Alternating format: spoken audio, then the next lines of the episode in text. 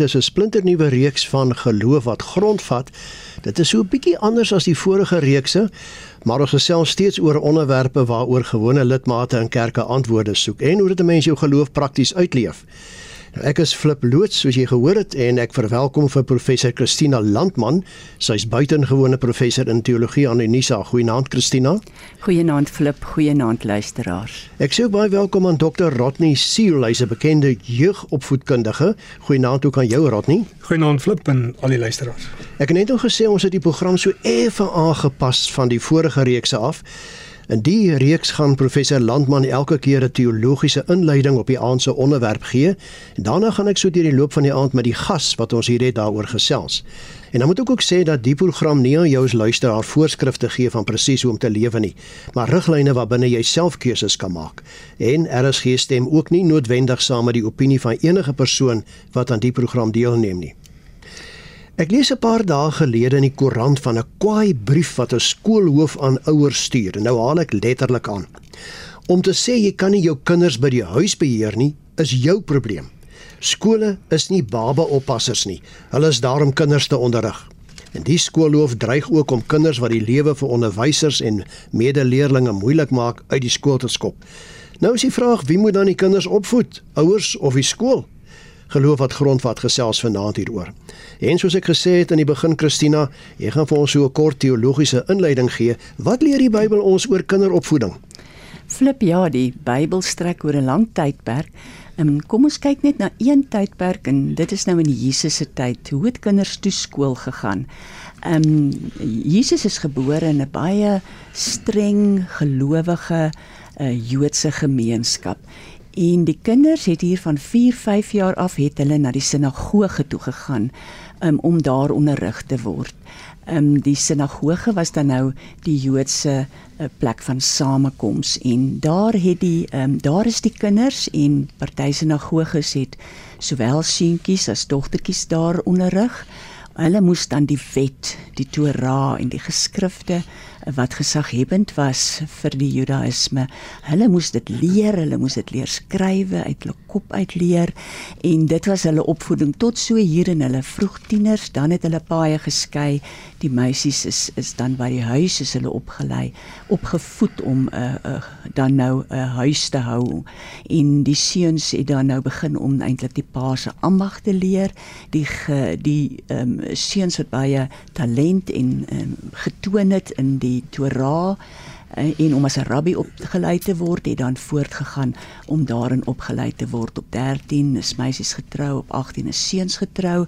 Eh, en so uh, kan ons dan sien dat uh, daar dink ek kan ek my amper voorstel was 'n tipe van 'n samewerking tussen huis en dan ook um, die die die skool wat dan 'n skool van geloof was. Dit was nie 'n sekulêre skool soos vandag nie, maar 'n skool waarin kinders in 'n spesifieke geloof opgelei is en ook net hierdie ding op die syllabus gehad het en dit is om die om die wet te leer. So uh, Jesus het ook min of meer daardie pad gevolg. Ons weet nie of hy op skool was nie, ons weet min van sy kinderdae, maar hy het wel op 12 het hy in die in die sinagoge baie gesaghebend gepraat en hy het dan ook 'n ambag by sy pa geleer by sy aardse pa en hy het uiteindelik uh, dan ook 'n rabbi geword hier van sy 30er jare af soos wat rabbies daai tyd gedoen het. Hy was net natuurlik bekend vir sy ongelooflike wysheid. Kan ek net hierdie inleidingkie afsluit um, met drie kort opmerkings? Die eerste is um, want die vraag bly nou nog in terme van wat ons nou vanaand bespreek is wie het die kind opgevoed? Is dit nou die pa, is dit die rabbi, wie het die kind opgevoed en gedissiplineer? En die eerste opmerking wat ek wil maak is ons moet onthou kinders was waardevol. Nee, kinders was besonder waardevol. Hulle was geskenk van die Here. Hulle was nie 'n probleem wat nou met allerlei wette en dissiplinering ehm um, aan bande gelê moet word nie. Maar uit die tekste Ehm um, uit tekste in die Bybel, die Ou en die Nuwe Testament kan ons sê ja, daar lyk dit of die pa 'n besondere belangrike rol gespeel het in die opvoeding van die kind. Jy weet hy Spreuke 18 vers 19 behandel jou seun streng, dan is daar hoop, moenie jou te buite gaan nie. Efesiërs 6 vers 4 Vaders moenie hulle kinders so behandel dat hulle opstandig raak nie, maar maak hulle groot met tug en vermaaning soos die Here dit wil. En die tweede opmerkingkie wil ek net sê dat ehm um, Ja, in uiterste gevalle waar kan hom baie baie sleg gedra het kon 'n pa Deuteronomium 21 kon 'n pa homself na die leiers van die stad toe vat en as hy dan skuldig bevind is dat hy opstandig en ongehoorsaam is, 'n vraat en 'n syplap, dan die mans van die stad hom met klippe doodgegooi. Die derde opmerkingie wat ek wil maak is dat ehm um, Die Bybel vra wel ook wie se skuld is dit as 'n kind so ongedissiplineerd en rof uitdraai. Esegiel 18 beskryf dat daar 'n situasie waar die ehm um, die Here sê Uh weet jy julle moet onthou 'n goeie man, 'n goeie pa kan 'n wille seun hê en 'n wille seun kan weer 'n seun hê wat die Here dien. So ons kan nie sê dit pa se skuld is, die ouers se skuld is as 'n kind ongedissiplineerd en en rof uitdraai nie. Ehm um, dit is nie ons moet daai idee van die vader drink, die vader eet die vader uh um um eet groen druiwe en dan is die kinders se tande stom. Daai idee moet ons uitgooi. Elkeen moet verantwoordelikheid vir homself vat. Nou klink vir my as ek so luister Rodney na Christina dat uh, die skoolhoof miskien in daardie opsig 'n probleem gehad het, want dit is vandag 'n bietjie anders as in die Bybelse tyd waar mm. my lyk die kerk en die skool of die uh, huis en die skool baie na mekaar was. Maar hoe korrek dink jy was die optrede van hierdie skoolhoof waarna ek in die inligting verwys het? Ek wil daarom ook 'n lansie breek vir die vele onderwysers en ouers wat hulle uiters bes doen om hierdie kinders sosiale aanvaarbare volwassenes te maak. In hierdie postmoderne samelewing wat ons vandag lewe, word kinders ontsettend gekonfronteer met die sosiale media, die media selfs. En hulle glo hierdie waardesisteem en hulle beskryf dit ook as oudtyds, maar ek dink ons moet elke onderwyser vandag en elke ouer vandag letterlik 'n medalje om die nek hang. Ons besef nie onder watter druk onderwysers vandag moet werk nie. En kinders dood eenvoudig hulle ouers se rigtingwysings net in die wind slaan Afloop mag ek eers asseblief net die definisie van 'n tiener gee. Ja, asseblief, ons wil graag weet as jy definisie het, wil ons baie help. Want ek sukkel ook daarmee. Uh dit kom uit die website 13 International Dictionary defines a teen as 13 to 19 in a lifetime. It comes from an old English word tuna which means en ek wil die ouers my mooi hoor. Injury, anger and grief. Oh. Vra maar vir enige ouer wat 'n kind gaan optel by die skool en die kind kom uit. Daai maandpa kyk na hierdie kind, die skouers hang, tas word gesleep en as die kind in die kar inklim, maar groei ouers dan sê hulle wat is fout? Dan sal die kind sê ma of pa los my net uit. En ons moet onthou onderwysers is daar om kinders akademies te onderrig en as ook vir beroepsvoorbereiding. Ouers is daar om van kleins af kinders groot te maak met familietradisies, waardes daar te stel in die familie en 'n eenheid te bevorder in hierdie in hierdie familie. Flip, waardes is gelyk aan dissipline. Waardes is gelyk aan eerlikheid. Waardes is gelyk aan respek vir die onderwyser. Respek vir jou ouers, respek vir jou medemens, respek vir jou medeskoliere, respek vir jouself en die uh, bejaardes. En dan waardes is gelyk aan karakter toon. Dit is verantwoordelikheid. Dis taalgebruik. Hoe kinders vandag, daar's navorsing gedoen dat kinders tussen 80 en 120 vloekwoorde 'n dag gebruik ons aarde. Ja. Ja, dis erg, né? Ja. Maar Rodney, 'n mens sou seker wou hê dat ouers en onderwysers nou saamwerk om die kinders te slyp en op te voed. Jy praat van die waardes en jy praat van die uh intellektuele opvoeding by die skole. Hoe moontlik is dit dat ouers en onderwysers so kan saamwerk of is dit nou maar net wensdenkery?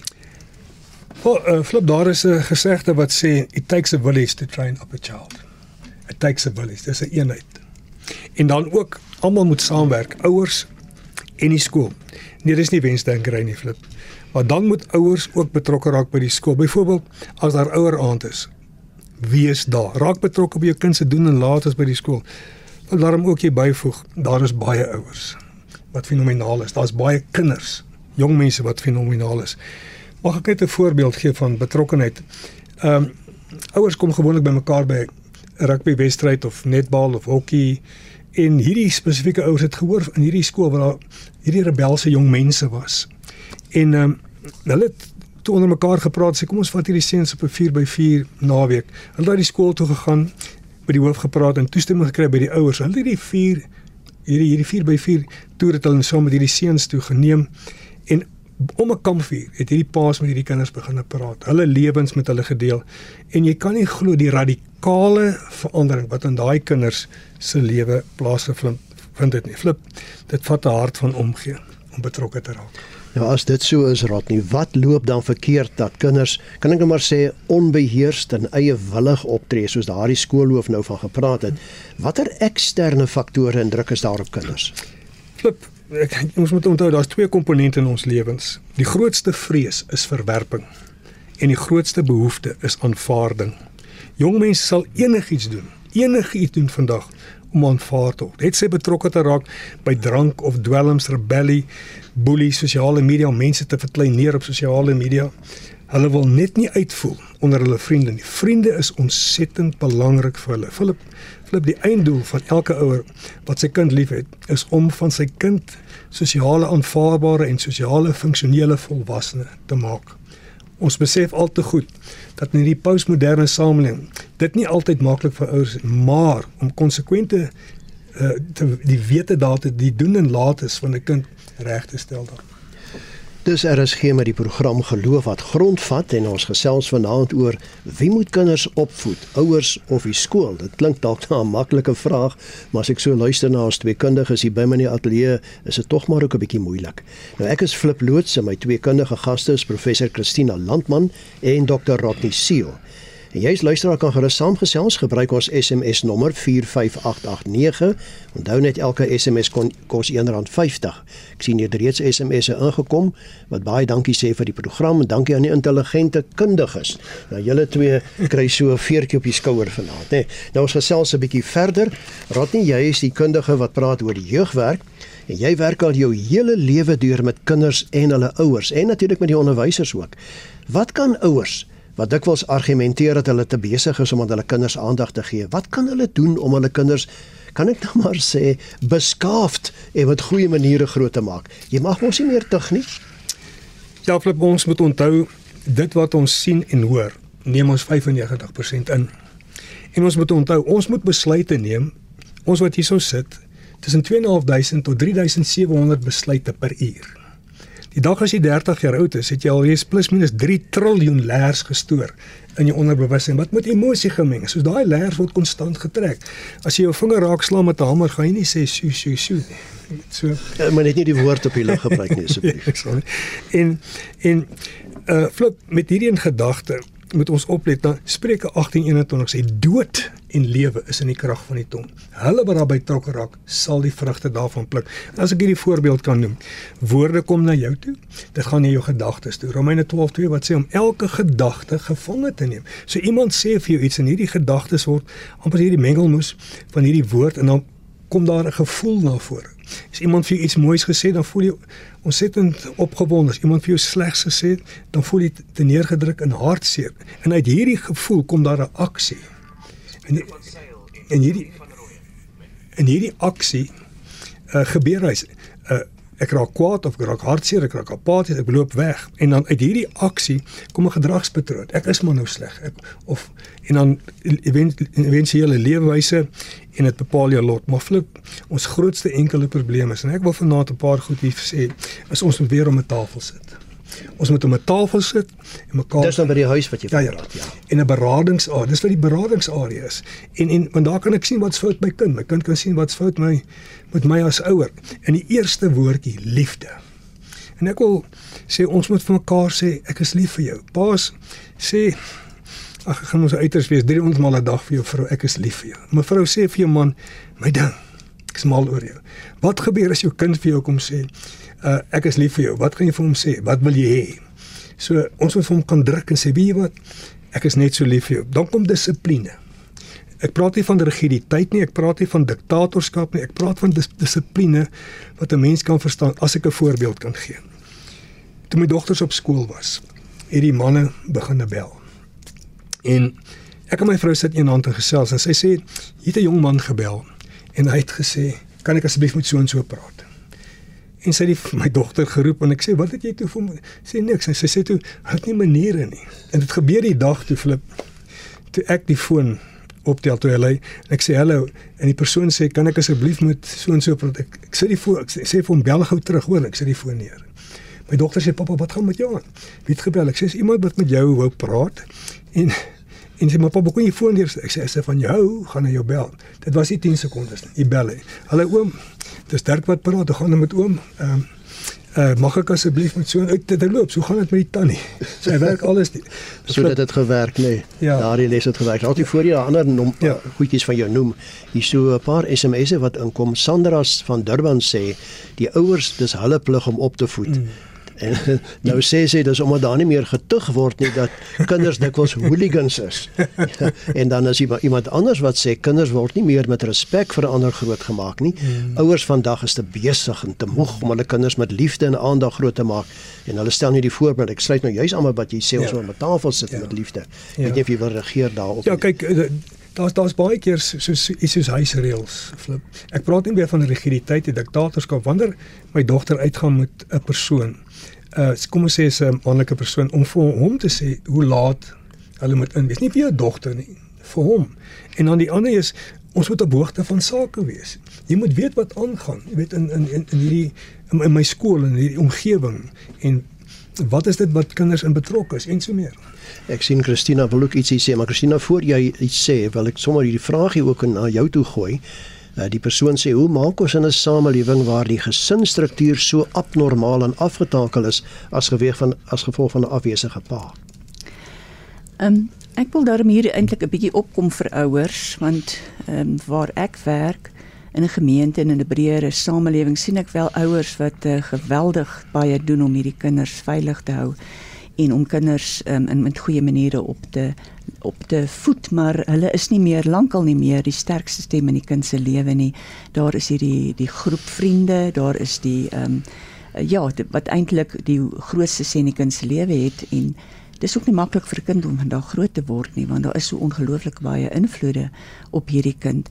Ehm um, ek sal uh, sê dat ehm um, uh dit is 'n dis 'n probleem wat wat wat so groot is dat ons eintlik nie die nie die grense daarvan kan sien nie. Dis nou die afwesige pa. Ehm um, die afwesige pa is 'n probleem.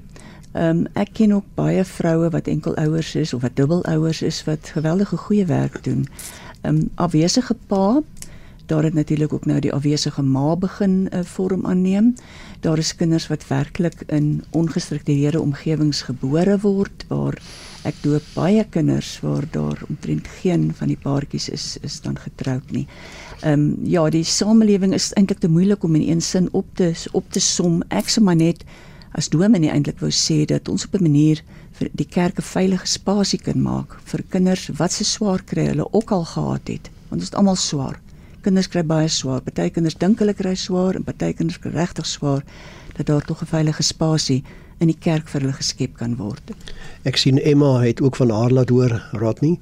Uh, sy sê net om aan te sluit by wat Christina gesê het, ons het ons kinders ten doop gebring en God beloof ons sal in sy naam opvoed en hulle bly God se kind en hy gaan die kind eendag van ons eis en nie van die skool nie. Die skool kan die ouer bystaan, maar nommer 1 moet die ouer die kind opvoed. Weet jy Philip, dit is dit is so dit is so dat van kleins af kinders die reëls en regulasies moet kry van die ouers, maar ons moet tyd spandeer met die kinders. Uh om hulle daai daai riglyne te gee, Christendom te leer. Dit is die groot enkele ding. Ek het so 'n oulike storie as ek dit mag noem vir 'n uh, vriendin van my vrou uh het 'n dogtertjie se 'n koketiel met die hand groot gemaak. En sy enigiets vir die koketiel op en af en sê die Here is my herder. Die Here hy rol dit so. En ons kom toe eendag daar en hulle braai ek sê bring my koketiel. Maar dis die opgewondste koketiel wat ek in my lewe sien. En sy vat die telepik en sy op en af en hy sê die Here is my herder. Die Here is my herder. En uh, die ma sê hierdie koketiel het my 'n dierles geleer. Sy het haar kind die dag skool toe gevat met die ouers gepraat, teruggekom, toe sy by die huis kom is die koketiel hoog onderste bo, dis saad en dis water en hier kom die Jack Russell verby met 'n veertjie in sy bek en sy's op die grond en sy huil so. Sy maak die saad bymekaar en sy sy sê sy weet nie hoe om kyk sy op en deur haar wasige oë en trane sien sy so 'n silhouet en op die rand van die stoel toe sy haar oë nou so fokus toe sit die koketiel en hy sê vir haar die Here is my herder. Die, die Here is ons herder die Ja. Here is ons herder in hierdie hele situasie Wonderlike getuienis Rodney, maar kom ons gooi nou die vraag 'n bietjie om. Ons het nou gepraat oor wat die ouers met die kinders kan doen. Hmm. Wat kan op skool gedoen word om die interaksie tussen leerders en onderwysers positief aan te spreek? Jy's baie daarmee doen. Nou, Ja. vertel ons. Flip, ons tyd hardop so vinnig uit en ek wil so vinnig as moontlik praat. Ek kom ehm um, by 'n skool en by baie skole waar die as jy in die saal nou praat dan sal on, altyd 'n onderwyser wat sê bly stil, bly stil, bly stil, bly stil. En uh hierdie een spesifieke skool na die tyd toe kom die hoof na my toe en hy sê kom ons gaan drink 'n koppie tee.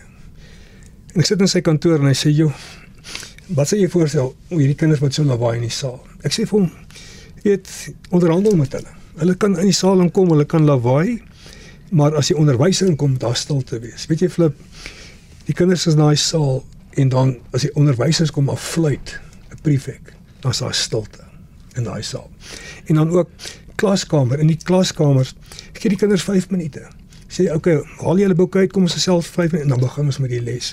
En dan het ons ding begin met die skool met gentlemanship en ladyship. Waar se jong manne leer wat is dit om 'n gentleman te wees? Wat is is om 'n ehm uh, die, die meisies te respekteer, die onderwyseres te respekteer. En baie van die kinders staan op as die onderwyseres inkom en dan as die meisie in die leer instap, staan hulle terug. Maar nou moet ek ook dan erken die die manne vat hom so 'n bietjie ver en dan staan hulle in die ry dan is Susan nog redelik agter.